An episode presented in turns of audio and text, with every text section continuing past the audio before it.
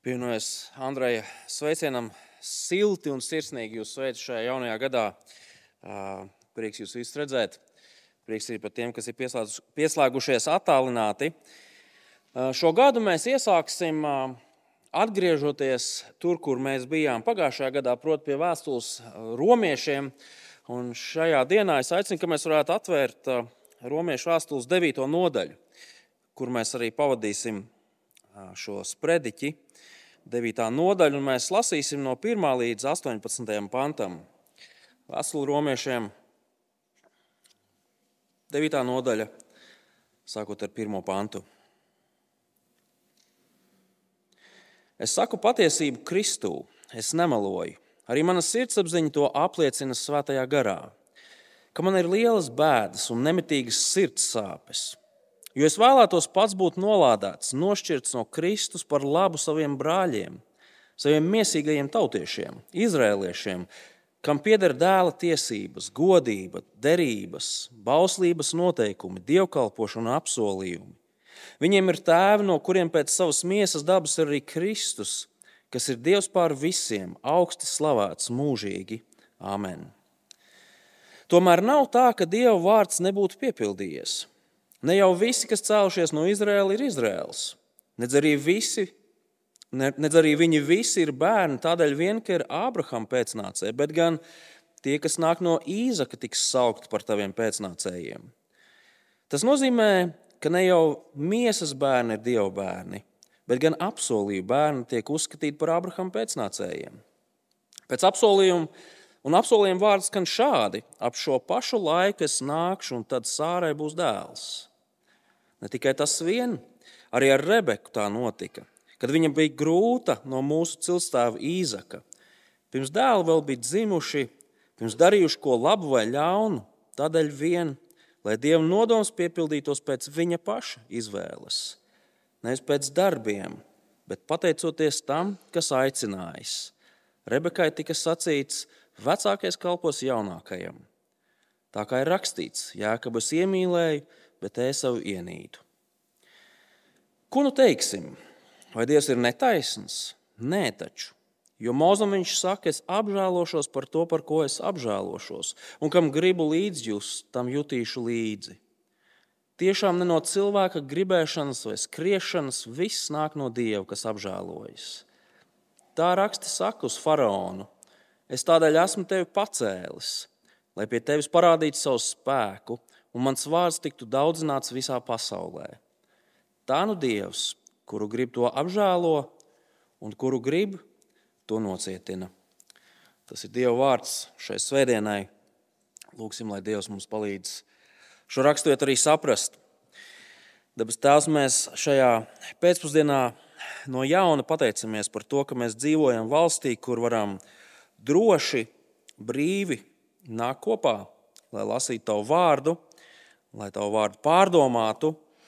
Mēs pateicamies, ka tu runā uz mums caur savu vārdu, tu caur to mūs paskubini, pamāci, pārmāci, iedrošini, stiprini, izaicini.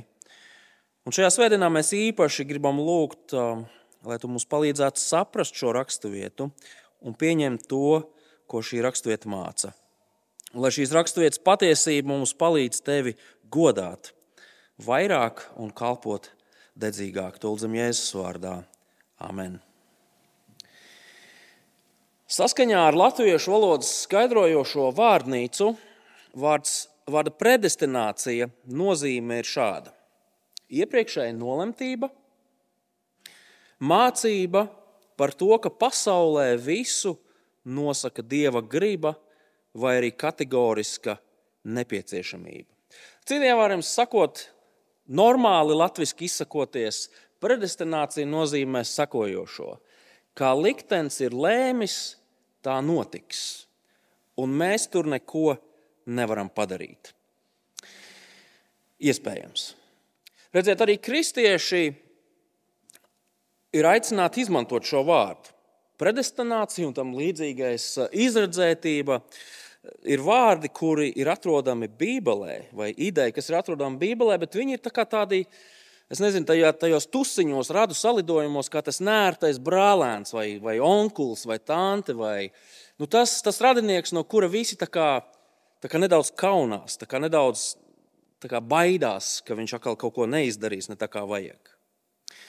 Redziet, šī ideja, viņa neizbēgami ir redzama Bībelē. Taču mēs bieži vien nezinām, ko ar viņu iesākt, kā par viņu runāt.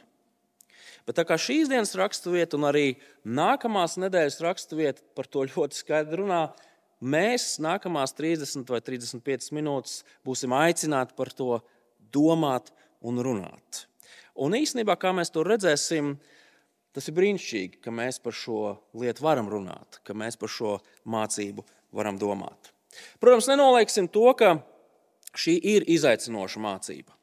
Varbūt ne obligāti tādēļ, ka mums būtu viņu grūti saprast, bet viņa ir izaicinoša tādēļ, ka viņu ir reizēm grūti pieņemt. Tā līdz galam saprast un pieņemt. Šīs dienas raksturvieta un Bībele kopumā ļoti skaidri māca vienu lietu. Proti, tas, ka kāds cilvēks ir kristietis, ir tikai un vienīgi tādēļ, ka Dievs ir gribējis, lai šis cilvēks būtu kristietis. Dievs iepriekš nolēma, Dievs iepriekš izredzēja, Dievs iepriekš destinēja, predestinēja. Pirms tu biji izdarījis kaut ko labu vai ļaunu, Dievs tevi izredzēja glābšanai. Mūsu glābšanas pamatā atrodas Dieva izredzēšana. Un šī izredzēšana nebalstās kaut kādā, kaut kādā iespējams potenciālā mūsu ticībā, rīcībā, attieksmē, ko Dievs redzēja un, un mūs izvēlējās. Nē, nē. Viss balstās tikai un vienīgi Dieva paša lēmumā. Tātad, draugi, Bībele ļoti skaidri runā par to, ka Dievs izredz. Un ja vien mēs nesākam nodarboties ar kaut kādu tādu garīgo akrobātiku un vingrošanu, tad nav iespējams izvairīties no šīs mācības. Taču tad, kad mēs Bībelē šo mācību redzam, tad tā vietā, lai mēs sāktu nodarboties ar kaut kādiem tādiem muļķīgiem jautājumiem par to, kurš ir izredzēts, kurš nav izredzēts, es esmu izredzēts, viņš nav izredzēts, tas noteikti nav izredzēts, varbūt tas ir izredzēts. Tā vietā Bībele savus lasītājus aicina slavēt Dievu, slavēt un pateikties par Dievu. Šī mācība izceļ Dieva varenību. Šīs mācības dēļ mūsu Dievs kļūst lielāks. Viņa, viņa varenība, viņa gudrība, viņa, viņa nodoms, viņa labestība, viņa žēlastība, visas šīs lietas, kas Dievu raksturo, kļūst lielākas un spilgtākas. Un iespējams tieši tādēļ Pāvils, noslēdzot šo vēstules sadaļu, 11. nodaļas beigās, viņš saka šādus vārdus, ieklausieties 33. pantā. Kāds dievu bagātības, un gudrības un atziņas dziļums, cik neizprotams ir viņa tiesas un neizdibināmi viņa ceļi. Domājot par šīm lietām, Pāvils slavē Dievu. Dievs ir daudz lielāks. Tur ir kaut kas neizprotams Dievā, līdz galam neizdibināms, bet slavas cienīgs un slavas vērts. Un es patiesi ceru, ka iesākot šo jauno gadu ar šādu gruntīgu, dziļo teoloģiju, ja tā varētu teikt, domājot par šiem dieva neizdibināmajiem darbiem, mūsu apbrīns mūsu pārliecība, mūsu prieks, mūsu pateicība par to, kāds Dievs ir un ko Dievs dara, ka viņi pieaugs. Mēs sāksim šo gadu raugoties uz lielu Dievu, domājot par viņa grandiozajiem nodomiem, kurus viņš īsteno šajā pasaulē. Un es ceru, ka tiešām mēs ieraudzīsim, ka mūsu Dievs ir daudz lielāks nekā mēs reizēm savā ikdienā par viņu domājam. Un es ceru, ka jo lielāku dievu mēs redzēsim, jo, jo vairāk tas ietekmēs mūsu ikdienas, to kristīgo dzīvošanu, dievbijību, uz kuru mēs visi esam aicināti. Bet, draugi, kur tad mēs palikām pagājušajā gadā? Es jau pat neatceros, kad mēs īsti tajā romiešu vēstulē bijām, vai tas bija vasarā vai pavasarī. Tas nav būtiski. Pa ko ir pirmās astoņas nodaļas? zibens skrējiens cauri pirmajām astoņām nodaļām. Pirmās astoņās nodaļās, principā, Pāvlam bija viens milzīgs mērķis - parādīt to, kāpēc viņš nekaunās evaņģēlīja vēsts. Kristus evaņģēlīja vēsts ir grandioza vēsts, kas ir jādzird pilnīgi visiem cilvēkiem. Un ejot cauri šīm astoņām nodaļām, mēs redzam to, kāpēc.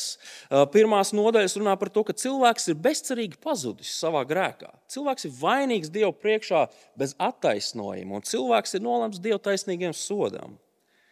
Bet pēc tam, sākot ar trešās nodaļas izskaņu, sākās šis smeķīgais, saldais ēdiens, kas ir jādzird mums visiem. Proti, mēs Kristu esam attaisnoti. 3. nodaļas 21. līdz 26. pants. Mēs caur viņu tiekam pasludināti par taisniem, bez vainas. Mums vairs nav jābaidās no, no tiesas, ko Dievs spriež pār cilvēkiem, tāpēc ka mums ir miers ar Dievu. 5. nodaļas 1. pants.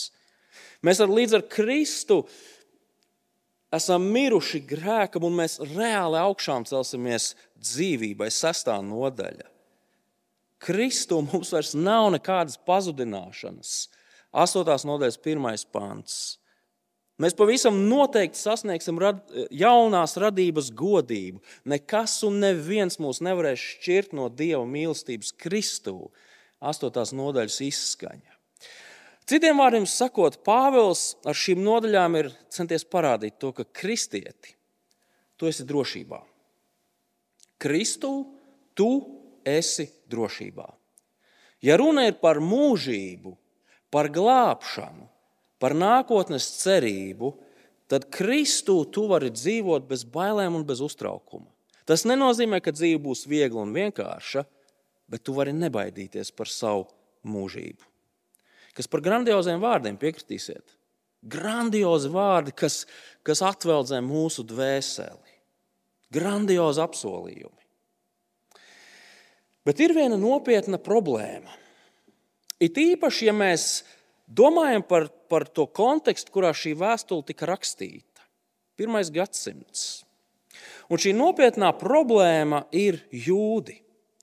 Vecās derības īpašā dieva tauta. Jo redziet, var likties tā, ka tas stāvoklis, kurā atrodas jūdi šajā brīdī, pirmajā gadsimtā, kaut kādā veidā varētu diskreditēt visu to, ko Dievs ir darījis, visu to, ko Pāvils nu pat kā ir aprakstījis attiecībā uz to, ko Kristus ir veicis cilvēku labā. Vai jūdu stāvoklis gadījumā neatceļ visu to, ko Dievs ir teicis? Vai Dievam var uzticēties, citiem vārdiem sakot? Un tā arī ir šīs raksturvietas sākotnējā problēma. Ieskatieties vēlreiz kā sākās 9. nodaļa. Es saku patiesību, Kristu es nemeloju. Arī mana sirdsapziņa to apliecina svētajā garā, ka man ir lielas bēdas un nemitīgas sirds sāpes. Jo es vēlētos pats būt nolādēts, nošķirts no Kristus par labu saviem brāļiem, saviem mīsīgajiem tautiešiem, izrēliešiem, kam pieder dēla tiesības, godība, derības, bauslības noteikumi, dievkalpošana un apsolījumi Viņiem ir tēvi, no kuriem pēc savas miesas dabas ir arī Kristus, kas ir Dievs pār visiem, augsti slavēts mūžīgi. Āmen. Drago, jūs redzat šajos pantos milzīgu traģēdiju. Jūdi savu laiku tika uzskatīti par, par dieva īpašo tautu, kā Pāvils saka, dieva bērniem, kuriem ir dāvāta glābšana, ar kuriem Dievs noslēdz īpašu derību, atkal un atkal to atjaunojot un apstiprinot, veidojot attiecības kā nevienu citu tautu pasaulē. Viņiem bija Dieva vārds, kas noteica to, kā viņiem dzīvot, ko darīt, kā, kā kalpot Dievam. Viņiem tika doti grandiozi apsolījumi. Viņi bija Dieva izredzēti, Dieva uzturēti, Dieva aprūpēti, Dieva apčubināti, Nevienam cilvēkam, nevienai tautai pasaulē nebija tādas attiecības ar Dievu, kādas bija jūdiem vecajā derībā. Bet tagad, laikā, kad Pāvils raksta šos vārdus, jūdu tauta ir izkliedēta pa visu Romas impēriju. Viņi ir zaudējuši visu, kas viņiem bija Dāvida ķēniņa Dāvida ziedu laikos. Ne viņiem ir sava zeme, ne viņiem ir savu brīvību. Liels vairums jūdu vispār netic šim kristumam, vēstīt par Dieva apsolīto valdnieku, kurš nāks, lai glābtu un atbrīvotu. Ir vēl trakāk. Liela daļa no jūdiem ir aktīvi sacēlušies pret šo Kristu. Viņi viņu ienīst. Ja viņiem būtu dots, viņi viņu pienaglot vēlreiz krustā. Kā to saprast? Vai tad Dievs viņiem nebija devis grandios apsolījumus? Kas ar to visu ir noticis? Vai tad Dievs neteica, es būšu ar jums, jūs būsiet mani? Dievs to teica, bet kā skaidrot šo realitāti, kurā mēs esam pirmajā gadsimtā? Un tādēļ mēs varam saprast, ka tā varētu būt nopietna problēma. Pareizi. Vesels astoņas nodaļas Pāvils ir runājis par šo brīnišķīgo Kristus evaņģēlīju. Bet vai mēs patiešām varam paļauties uz to, ka Dievs arī to visu īstenos? Ka tikai mums nesanāk pievilties tāpatās kā vecajā derībā ebrejiem. Un šis ir nopietns jautājums, it īpaši pirmajā gadsimtā, kas met šaubu bērnu par Dievu, met šaubu bērnu par Kristus evaņģēliju, met šaubu bērnu, jā, pat par Pāvila misiju un kalpošanu pie pagāniem. Vai dievam var uzticēties? Skaties, kas ir ar jūdiem. Un mēs redzam, ka šī, ir, šī raksturvieta iesākās ar, nu, mēs varētu teikt, Pāvila sirdi. Tur ir smeldze, tur ir patiesa smeldze. Mēs redzam, ka Pāvilam patiesi rūp tas, kas notiek ar viņa tautiešiem. Viņam ir sāpīgi skatīties uz to, kur ir ebreji šajā brīdī. Pāvils saka, man visu laiku ir sāpīgi, un bēdīgi un skumīgi. Un jūs pamanījāt, Pāvils saka, es vēlētos, kaut es varētu atdot sevi, savu mūžīgo glābšanu, lai tikai viņi tiktu izglābti. Ja kāds cenšas apsūdzēt Pāvilu tajā, ka viņš ir nodevis savus tautiešus, viņam vajadzētu kaunēties. Lūk, cilvēks, kuram rūp viņa tautieši. Taču vai jūs pamanījāt to, ka Pāvils nevienā brīdī nesaka, ka Dievs ņem mani un izglāb viņus? Un man liekas, ka tas ir baigi būtiski. Viņš to nesaka, tāpēc ka Pāvils saprot vienu ļoti svarīgu lietu, kur ir jāsaprot arī mums, un par ko īstenībā ir šī raksturvieta un arī nākamās raksturvietas. Redziet, Pāvils zina to, ka Dievam ir savs plāns, savs nodoms, kuru viņš savā gudrībā, savā spēkā, savā varenībā, savā laikā, savā veidā īsteno. Un tieši izpratne par šo Dieva lielo plānu un nodomu ir arī atbilde uz šo šķietamo problēmu. Kā ir ar, kas tur ir ar tiem jūdiem? Dievs nav neusticams, Dievs nav nevarīgs, Dievs nav kaut kādā veidā ierobežots. Nē, draugi, Dievs izglāba pilnīgi visus, kurus viņš ir nolēmis izglābt. Neviens nepazudīs. Ne pagātnē, ne tagadnē, ne nākotnē. Skatieties, kā viņš turpina 6. pantā. Tomēr nav tā, ka Dieva vārds nebūtu piepildījies. Te viņš atsaucās uz to, ko Dievs teica pagātnē, vecajā derībā. Ne jau viss, kas cēlušies no Izrēla, ir Izrēls. Atcerieties, līdzīgu domu Pāvils ir minējis pāris reizes iepriekšējā vēstulē. Piemēram, 2. nodaļā, 28. un 29. pantā viņš teica, ne jau tas ir jūtas, kas ir ārēji tāds, bet jūtas ir tas, kas tāds ir iekšēji, kam sirds ir apgaizīta pēc gara. Citiem vārdiem sakot, Pāvils savus lasītājus viņus aicina, aicina ieraudzīt to, kas, kas patiesībā ir Dieva ļaudis. Uz kuriem patiesībā attiecās viss tas, ko Dievs ir solījis vecajā derībā. Uz ko patiesībā attiecās glābšana un viss tas, ko Dievs ir teicis. Pāvils grib, lai mēs saprotam, ka Dievs nav lauzis nevienu solījumu, nevienu mazāko. Kāpēc? Tāpēc, ka viņš nekad nav solījis izglābt visus jūdus. Viņš nekad nav solījis izglābt visus izrēļus, etniskos izrēļus.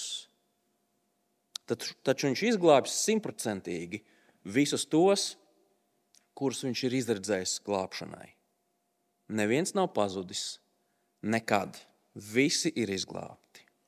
Un tālāk Pāvils šo, šo patiesību paskaidro ar pāris piemēriem, lai mēs varētu saprast, kā tas strādā.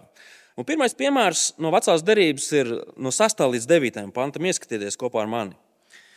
Ne jau visi, kas celšies no Izraēlas, ir Izraels, nedz arī viņi visi ir bērni, tādēļ vien, ka ir Ābrahama pēcnācēji. Ir gan tie, kas nāk no īzaka, tiks saukti par taviem pēcnācējiem. Tas nozīmē, ka ne jau miesas bērni ir dieva bērni, bet gan apsolījuma bērni tiek uzskatīti par Ābrahama pēcnācējiem. Un apsolījuma vārdi ir šādi: ap šo laiku es nākšu, un tad sārai būs dēls. Pāvils mūs aicina ieskatīties vecās darbības pašā sākumā. Pirmās mūža grāmatas 12. nodaļā, kur mēs iepazīstamies ar Izraēla tautas centēvu, patriārhu Ābrahāmu. Un jau pašā pirmajā saskarsmē ar Ābrahāmu Dievs viņam dod grandiozus apsolījumus. Un citas starpā viņš saka, ka tev būs pēcnācēji, daudz pēcnācēji, un šie pēcnācēji būs man ļaudis. Un, protams, ja mēs esam lasījuši šo stāstu, mēs saprotam, ka tur ir diezgan problemātiski cilvēcīgi ar šo apsolījumu. Abrahams ar sievu Sāru ir veci, tur bioloģiskie procesi sen kā ir apstājušies. Viņi ir divi paši, svešā vietā, viņiem nav savas zemes, viņiem nav pēcnācēju. Un mēs lasām tālāk par to, kā Abrahams cenšas Dievam palīdzēt, īstenot viņa apsolījumus. Abrahams guļ ar Sāras kalponu Hagāru, viņiem piedzimst puika vārdā Išmaēls. Taču Išmaēls nebija pēcnācējs pēc apsolījuma. Tas nebija tas, ko Dievs bija apsolījis. Un tādēļ vairākus gadus vēlāk, brīnumainā veidā Sārai pašai piedzimst puika, kuru nosauc par Īzaku. Un mēs šajā stāstā redzam, ka Ābrahamam, Ābrahamam ir divi dēli, Išmēls un Īzaks. Bet tikai Īzaks ir tas, uz ko attiecas Dieva apsolījumi. Tikai Īzaks ir tas, ko Dievs ir izredzējis. Uz Išmēlu šie apsolījumi neatiecas. Visu nosaka apsolījumi, nevis asins radniecība. Patinām dažus daž, uh, gadus uz priekšu, un, un mēs redzam vēl vienu piemēru tajā pašā pirmajā mūzes grāmatā ar pašu īzaku. Skatieties no 10. panta. Ne tikai tas vien, arī ar Rebeku notika, kad viņa bija grūta no mūsu ciltstāva īzaka, pirms dēli vēl bijuši dzimuši bija darījuši ko labu vai ļaunu. Tādēļ vien, lai Dieva nodoms piepildītos pēc viņa paša izvēles, nevis pēc darbiem, bet pateicoties tam, kas aicinājis. Rebekai tika sacīts, vecākais kalpos jaunākajam. Tā kā ir rakstīts, Jākabas iemīlēju, bet Ēsau ienīdu. Mēs atkal redzam to pašu principu, pareizi. To pašu principu, bet īstenībā vēl skaidrāk. Īzaka sieva Rebeka gaidīja viņus, Un Dievs teica, ka viens no viņiem būs apsolījuma piepildījums. Viens no viņiem saņem šis, šo īpašo svētību, būt par dieva tautas uh, sentēvu. Mēs uzreiz varam jautāt, kāpēc viens, nevis otrs, kāpēc Jēkabs, nevis Jēzus. Mēs varam līdz 2035. gadam uzdot šo jautājumu, bet atbildi nebūs. Vienīgā atbilde ir tāda, tāpēc, ka Dievs tā gribēja. Viņi abi piedzima vienam tēvam, bet Dievs izvēlējās vienu, otru viņš neizvēlējās. Kāpēc? Tāpēc, ka tāds ir Dieva nodoms. Viņš tā gribēja. Viens komentārs par vārdiem Jēkabus iemīlēja, bet Ēsau ienīdu. Šie, šie vārdi, šī frāze, neapraksta emocijas. Um, Viņa drīzāk ir tāds ebreju valodas izteiciens, kas palīdz, kas, kas, kas var, ko mēs varētu tulkot arī kā vienu es izvēlējos, otru es neizvēlējos. Viens man ir īpašs, otrs man nav īpašs. Te nav runa par kaut kādām tādām cilvēciskām naida emocijām. Ja? Ko Pāvils ar šiem piemēriem māca? Gluži vienkārši to, ka vienīgais veids, kā cilvēks var kļūt par dieva cilvēku, ir tad, ja Dievs viņu izradz. Tas vien, ka esi Ābrahama, ka esi Īzaka vai kāda cita slavena cilvēka pēcnācējs vēl neko nenozīmē. Cilvēciskais faktors neko nenozīmē. Visu nosaka dieva izvēle. Ciltskoks, radu raksti, pareizie kontakti ir jauki un mīļi, bet tas neko nenozīmē attiecībās ar Dievu. Dieva apsolījumi attiecas tikai uz tiem, kurus Dievs pēc paša gudrības un lapatikas ir izvēlējies. Reizēm cilvēki šajā brīdī saka, nu tā jau ir, bet īstenībā jau Dievs, Dievs izvēlas cilvēkus Tāpēc, ka viņš redz, kā viņi rīkosies nākotnē. Iedomājieties, Dievs stāv šeit pirms radīšanas, un viņš, viņš tagad skatās nākotnē, ok, tur, tur 2000, 1982. gadā piedzimis tāds, tāds Mārtiņš, un es zinu, kā viņš rīkosies, ko viņš darīs, kā viņš ticēs, un tāpēc es pirms pasaules radīšanas viņu izredzēšu. Draugi, izklausās pēc foršas teorijas, bet tā ir tikai teorija, tāpēc ka Bībele neko tādu nemāca. Mēs varam paņemt to pašu jēkabu un ēsavu. Mēs varētu teikt, tā, Dievs skatās uz šiem abiem dviņu brāļiem un saka, Jēkabs, jā, es viņu izraudzīšu, tāpēc ka viņš ir tāds lādzīgs vīrs, viņš ir krietns cilvēks un viņš darīs labas lietas. Ēsavs tas tāds primitīvāks, tāds barbarisks, tāds matains, uh, savu pirmdzimtību gatavs atdot pa zupas bļodu. To es neizvēlēšos. Draugi, tāda domāšana ir absolūti nepareiza. Pirmkārt, Kāds tad ir jēkabs? Viņš ir intrigants numur viens, krāpnieks, viltnieks, neģēlis. Bet otrkārt, otrkārt Dievs izradz par spīti jebkādiem darbiem. Labajiem vai sliktiem nav svarīgi, par spīti jebkam Dievs izradz. Izradzot cilvēkus, Dievs neņem vērā kaut ko, ko viņš varbūt nākotnē par to cilvēku redz. Nē, Dievs ņem vērā tikai un vienīgi pats savu gribu. Un, protams, tas uzreiz rada zināmus iebildumus pareizi. Un tas viens no iebildumiem arī šeit ir pieminēts 14. pantā. Skatieties, ko nu teiksim? Vai Dievs ir netaisnīgs? šādi rīkojoties. Mums ir jāsaprot šī iebilduma būtība. Redziet, jūdiem nebija problēmas ar izredzēšanu kā tādu, ja? jo viņi paši bija izredzēta tauta. Viņi zināja to, ka viņi ir nepelnīti izredzēti no visu citu tautu vidus. Problēma šajā gadījumā rada tas, ka šī izredzēšana notiek neatkarīgi no darbiem. Neatkarīgi no cilvēka snieguma, neatkarīgi no cilvēka attieksmes, ticības, um, dzīves, pienesuma, izvēlēm. Mēs varam iztēloties cilvēku sašutumu šajā brīdī. Mēs varam iztēloties, kā viņi saka, nu, varbūt ne tieši šādiem vārdiem, bet nu, tā doma ir skaidra. Pāvils, vai tu gribi teikt, ka Dievs glābšanai, svētīšanai, mūžībai var gribēt izvēlēties to tur cilvēku, kurš savā dzīvē ir bijis noziedznieks, sēdējis cietumā, piekopis dažādas apšaubāmas rakstura lietas, kurš ir, kurš, kuru mēs varētu saukt par dienas zagli, kuram ir slikti ieradumi. Pāvils, tu, tu, tu tiešām domā, ka Dievs tā strādā? Tas taču ir negodīgi pret visiem krietnējiem pilsoņiem, pret labajiem cilvēkiem. Un, redziet, draugi, mēs reizēm domājam līdzīgi. Mums liekas, ka, ka labajiem, likumīgajiem, konservatīvajiem cilvēkiem jautājumos, kas ir saistīti ar Dievu un attiecībām ar Dievu, ir kaut kādas priekšrocības. Mums liekas, ka, ka mēs esam soli priekšā kaut kādiem tur progresīvajiem, liberāļiem, amorālajiem, postmodernajiem ļaudīm. Mēs taču esam labāki par, nu, objektīvi labāki vai ne par tiem, kas Āfrikā dzīvo, vai musulmaņiem, vai kaut kādiem džungļu iemītniekiem. Mēs taču esam labāki par to dzērāju, par to kausli, par to, par to tēnku vāceli, par to mūsu kaimiņu, diedelnieku, bezdarbnieku. Draugi, šādi spriežot, mēs šim jautājumam pieejam no nepareizās puses. Dzed, Dievs rīkotos netaisnīgi, ja viņš būtu kaut ko tādu apsolījis. Un pēc tam nebūtu to pildījis. Elementāra ilustrācija.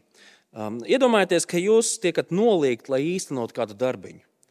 Un tad, kad jūs šo darbiņu esat izdarījuši, jūs aiziet pie priekšnieka, lai viņš samaksātu. Un priekšnieks saka, zini, nu, es pārdomāju, es tev nemaksāšu to, ko, par ko mēs vienojamies.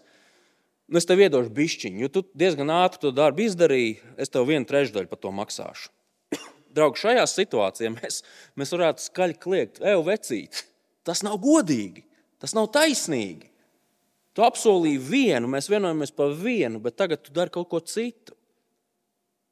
Mēs šādu darbu devēju sauc par negodīgu, melīgu krāpnieku, pareizi. Vai Dievs ir netaisns? Nebūt nē. Ne. Jo redziet, runa ir nevis par to, kas ir taisnīgs, bet gan par apžēlošanu. Un Pāvils to paskaidro ar vēl diviem piemēriem no otrās mūzes grāmatas. Viens piemērs ir pozitīvs, otrs ir negatīvs, bet viņi abi divi paskaidro vienu to pašu lietu.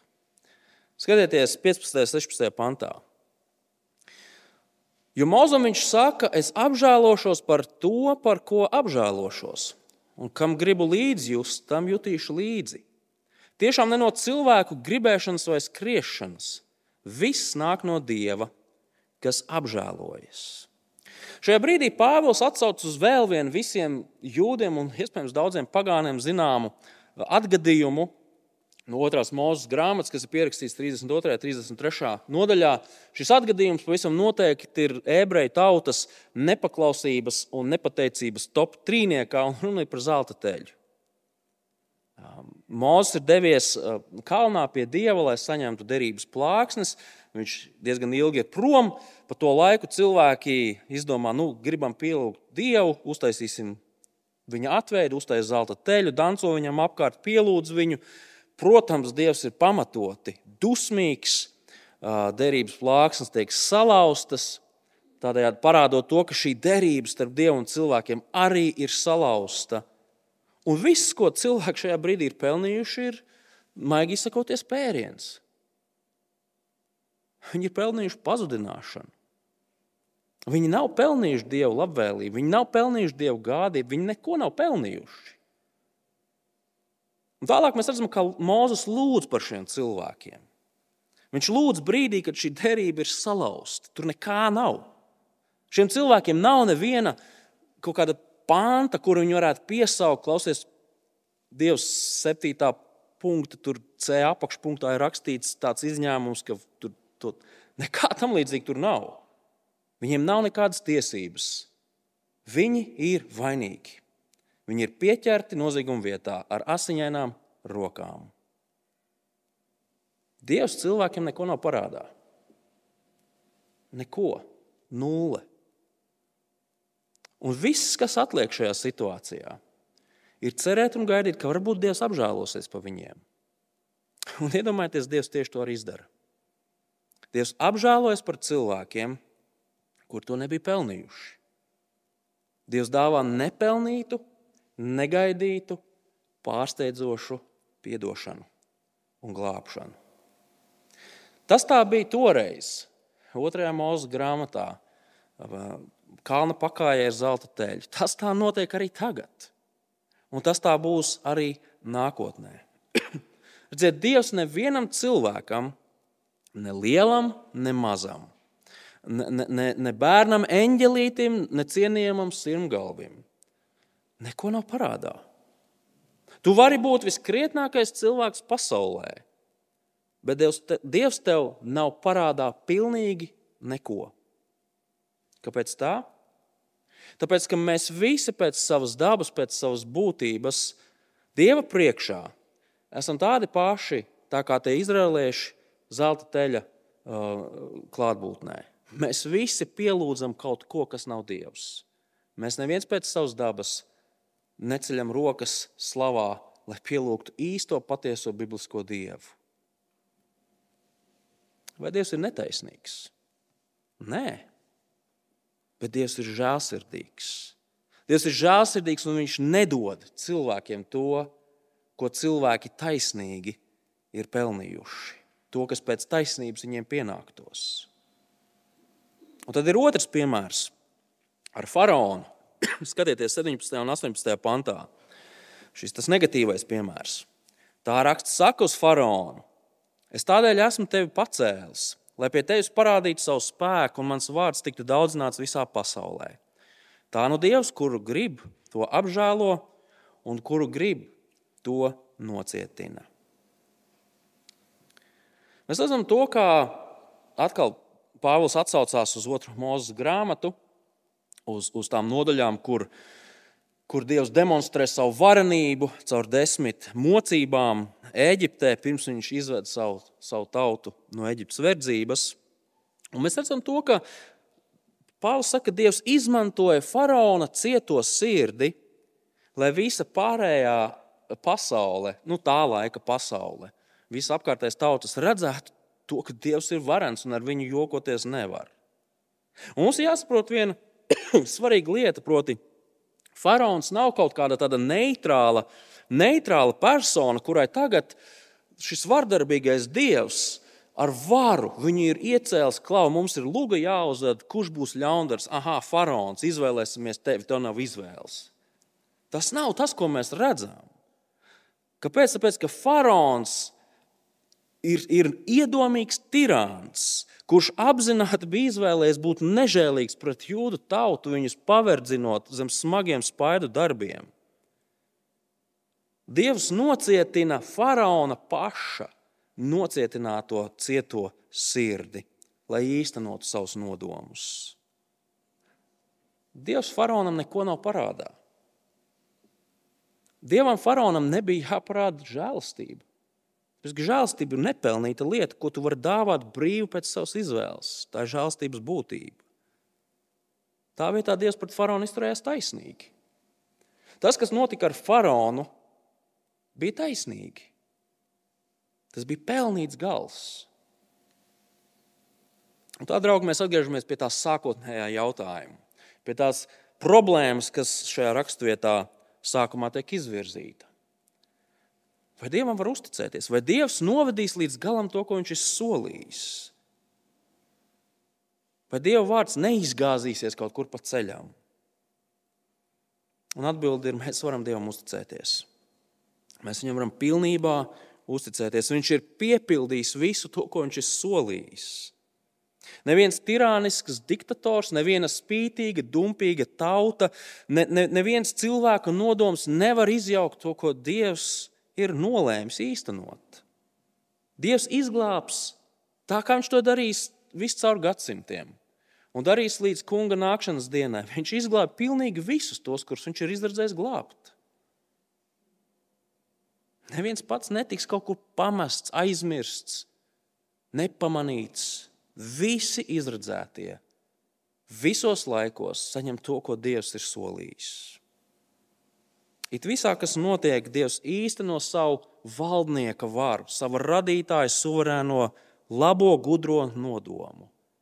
Un šīs dienas raksturvieta ļoti skaidri pasaka, ir cilvēki, kuriem, kurus Dievs ir izredzējis. Ir cilvēki, kuriem Dievs ir nolēmis parādīt žēlastību. Un ir cilvēki, kurus Dievs atstāja. Viņas ir cietībā. Dievs ir taisnīgs. Ja mēs redzam, ko šie panti nozīmē, tad tas nākamais jautājums ir, ko mums ar to visu darīt? Kas ir tas, tas, tas sausais, tas ne, ne sausais, tas parasti ir slikti, tas, tas, tas labais atlikums, ko mums paņemt līdzi mājās?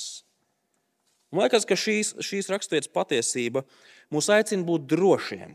Drošiem par to, kāds ir Dievs. Un turpināt turēties pie Viņa, kurš nemainīgi netraucēti īsteno savus labos nodomus. Jo redziet, Dievs pēc savas žēlstības tikai tādēļ, vien, ka Viņš tā ir gribējis, ir glābis mūs. Viņš mūs ir izraudzījies apžēlot, saukt par saviem. Mūsos nevienā nebija nekas tāds, kāpēc Dievam vajadzētu teikt, ah, re, kur viens cerības stariņš. Nekā tam līdzīga. Viņš mūs izglāba tikai tādēļ, ka viņš gribēja. Mūsu glābšanas pamats ir tikai un vienīgi paša dieva lēmums. Neizdibināmais, nezināmais lēmums. Un tā ir brīnišķīga patiesība, un mums nepietiek ar šīm dažām minūtēm šeit, svētdienas pēcpusdienā, lai par to tā nopietni domātu. Tādēļ es aicinu, ka mēs par šo patiesību varam domāt nākamo nedēļu. Dieva brīnišķīgā izredzēšana, šī nepelnītā žēlastība. Bet, lai to, to mūsu pārdomu procesu kaut kā veicinātu, divas lietas minēšu, ko mēs varam paņemt no šīs raksturvietas. Pirmkārt, šī raksturvieta mūs aicina būt ļoti pazemīgiem. Mēs neviens neizvēlamies Dievu. Dievs izvēlas mūsu. Redziet, mūsdienu cilvēka problēma ir tāda, ka mēs par šīm lietām, par visām lietām, bet arī par Dieva jautājumu, mēs, mēs, mēs par to attiecamies kā par tādu nezinu, ilustrāciju, varētu būt lielveikals, kurā mēs ejam, lai izvēlētos sev virtuves mēbeles. Mēs aizējām uz Ikeju, un mums katram ir sava izmēra virtuve, savu, savu gaumu, savs stils, savu rocību. Tad mēs sakombinējam un saliekam sev šo virtuvi, kas mums kalpos. Un mēs, es atvainojos, līdzīgi pieejam Dievam. Mēs viņus sakombinējam tā, kā mums pašiem ir ērti. Bet jūs taču saprotat, ka tas viss ir smieklīgi. Cilvēki, jā, jūs visi un es Mēs esam mirstīgas būtnes. Mēs esam parasti mirstīgi ļaudis, kas ir dieva radīts un, un ielikt šajā pasaulē. Mēs visi esam vienādi. Mēs visi, kas šeit sēžam, esam tieši tādi paši kā tie, kas, kurus mēs satiksim ejot mājās, pretimnācēji. Šī raksturvieta mums māca pareizi raudzīties uz sevi. Mums ir jāļauj Dievam būt par Dievu. Nemēģināsim mācīt Dievu. Neizliksimies, ka mēs zinām to, kā ir labāk, kā ir sliktāk, kā vajadzētu būt, ko mēs Dievam varētu ieteikt. Mums ir jāzina sava vieta. Un es to nesaku tā rupji un nepieklājīgi. Jūs saprotat, ko es ar to domāju? Mēs esam cilvēki, nīcīgas būtnes. Zināsim savu vietu. Būsim pazemīgi. Mūsu Dievs ir daudz lielāks, daudz gudrāks, daudz varenāks. Viņam pienākas viss gods, visa pateicība. Patiesi tas, ka mēs šeit sēžam šodien, tas ir Dieva darba pierādījums. Kā Pāvils saka, kāds Dieva bagātības, un gudrības un atziņas dziļums, cik neizprotams ir viņa tiesas un neizdibināmi ir viņa ceļi. Būsim pazemīgi. Būsim pazemīgi. Bet otrkārt, būsim iedrošināti un iepriecināti. Draugi, ļausim, lai šī patiesība par, par Dieva izredzēšanu stiprina un iepriecina mūsu dvēseli. Mūsu, mūsu glābšana balstās nemainīgā, nepazaudējamā, neiznīcināmā, nemaināmā Dieva gribas lēmumā. Sakiet, vai tā nav laba ziņa apzināties to, ka mūsu glābšana, mūsu mūžīgā dzīvība nav mūsu pašu rokās, bet gan Dieva rokās? Ja viss būtu atkarīgs no mums pašiem, cik daudz no mums būtu kristieši? Ja viss būtu atkarīgs no jums, kurš no jums šeit sēdētu? Cik daudzi no mums dotos paši saviem spēkiem pretī debesu valstībai? Ja viss būtu atkarīgs no mums, draugi, lasot Dievu vārdu un tur redzamās prasības, mēs visi dzīvotu bailēs un trīsās. Paniskās bailēs. Ja viss būtu atkarīgs no mums, mēs dzīvotu nepārtrauktās šaubās. Katra reize, kad mēs krītam grēkā, būtu bailpilna agonija par to, vai tikai mēs tagad neesam izkrituši no kaut kādas dieva labvēlības. Bet ak, cik labi ir tas, ka mūsu glābšana ir atkarīga tikai un vienīgi no dieva žēlīgās izredzēšanas, no viņa darba. Nevis mūsu darbiem, mūsu attieksmes, mūsu sajūtām, mūsu emocijām, tikai un vienīgi no dieva brīvās, labās gribas lēmuma lai šī patiesība ir pamats mūsu dievbijīgai dzīvei un mūsu kristīgai cīņai. Jā, es zinu, ka es esmu grēcinieks, bet Dievs mani nemainīgi mīl un mīlēs. Lai šī patiesība ir ēnkurs, tad, kad, Tad, kad vēlns mūs čukst melus un sēž šaubas, jā, es zinu, ka es esmu grēcinieks, bet Dievs man ir izredzējis, lai es mūžam būtu viņa bērns. Lai šī patiesība ir kā zāles, tad, kad mēs esam grēka sasisti un, un, un, un ievainoti. Jā, es zinu, ka es esmu grēcinieks, bet Dievs man nekad nepametīs un nekad no manis nenovērsīsies, jo Viņš to ir apsolījis. Turēsimies pie šīs brīnišķīgās patiesības, būsim pazemīgi, būsim droši, būs, būsim stiprināti Dieva žēlstības varenībā. Lūksim Dievu. Dabas Tēvs patiesi mēs, mēs esam aicināti apbrīnot to, cik pārāks tu esi. Mēs reizēm savā ikdienas skrējienā to aizmirstam, nepamanām. Mēs gribam tevi ielikt kaut kādā mazā kastītē, savā loģikas un spriestspējas kastītē. Tās, bet tavs vārds atklāja to, ka ir lietas, kuras mēs nesapratīsim. Ir, ir, ir lietas, kuras tu dari un kuras raksturo tevis, kuras mēs līdz galam nesapratīsim. Bet tas, kas mums ir atklāts, tas mums liek ieraudzīt tevi kā grandiozu, milzīgu, dižu dievu. Daudz lielāku, daudz gudrāku, daudz varenāku nekā mēs spējam iztēloties. Tad mēs lūdzam, palīdz mums šajā jaunajā gadā domāt par tevi kā tādu. Palīdz mums meditēt, pārdomāt to, cik, cik iespaidīgs tu esi, cik gudrs tu esi, cik labs tu esi, cik žēlīgs tu esi. Kā tu rīkojies cauri vēsturei un arī mūsu pašu dzīvēm.